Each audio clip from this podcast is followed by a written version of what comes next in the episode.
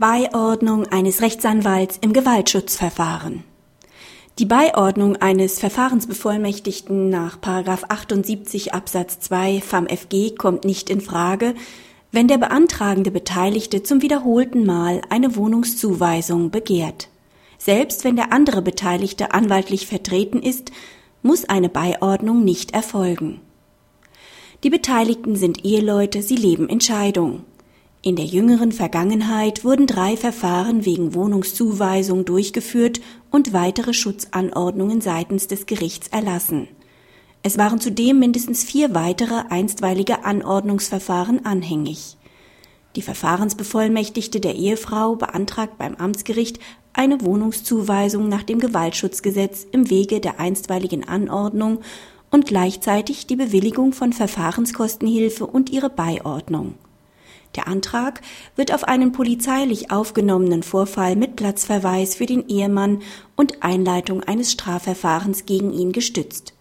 In der Antragsschrift wird Bezug auf einen Verfahrensbevollmächtigten des Ehemanns genommen. Das Amtsgericht erlässt einen entsprechenden Beschluss nach dem Gewaltschutzgesetz, bewilligt die Verfahrenskostenhilfe, lehnt aber eine Beiordnung ab. Der Beschluss wird dem von der Ehefrau genannten Verfahrensbevollmächtigten des Ehemanns zugestellt. Er nimmt ihn entgegen, beantragt Akteneinsicht und gibt die Akte nach erfolgter Einsicht zurück. Eine weitere Tätigkeit in der Sache erfolgt nicht. Das Oberlandesgericht weist die Beschwerde der Ehefrau gegen die Ablehnung der Beiordnung zurück.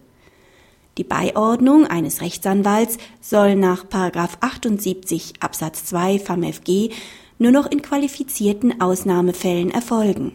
Ein solcher ist nicht zu sehen. Die Antragsschrift beschränkt sich auf die Wiederholung der polizeilich aufgenommenen Daten.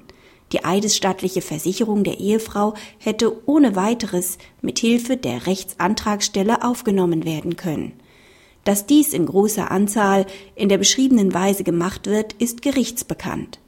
Kein Grund für eine Beiordnung ist ebenfalls, dass der Ehemann anwaltlich vertreten war.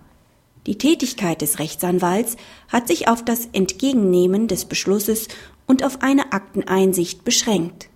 Aus 78 Absatz 2 FamFG folgt im Übrigen eine Notwendigkeit der Beiordnung nicht schon aus der Tatsache, dass der andere Beteiligte anwaltlich vertreten ist.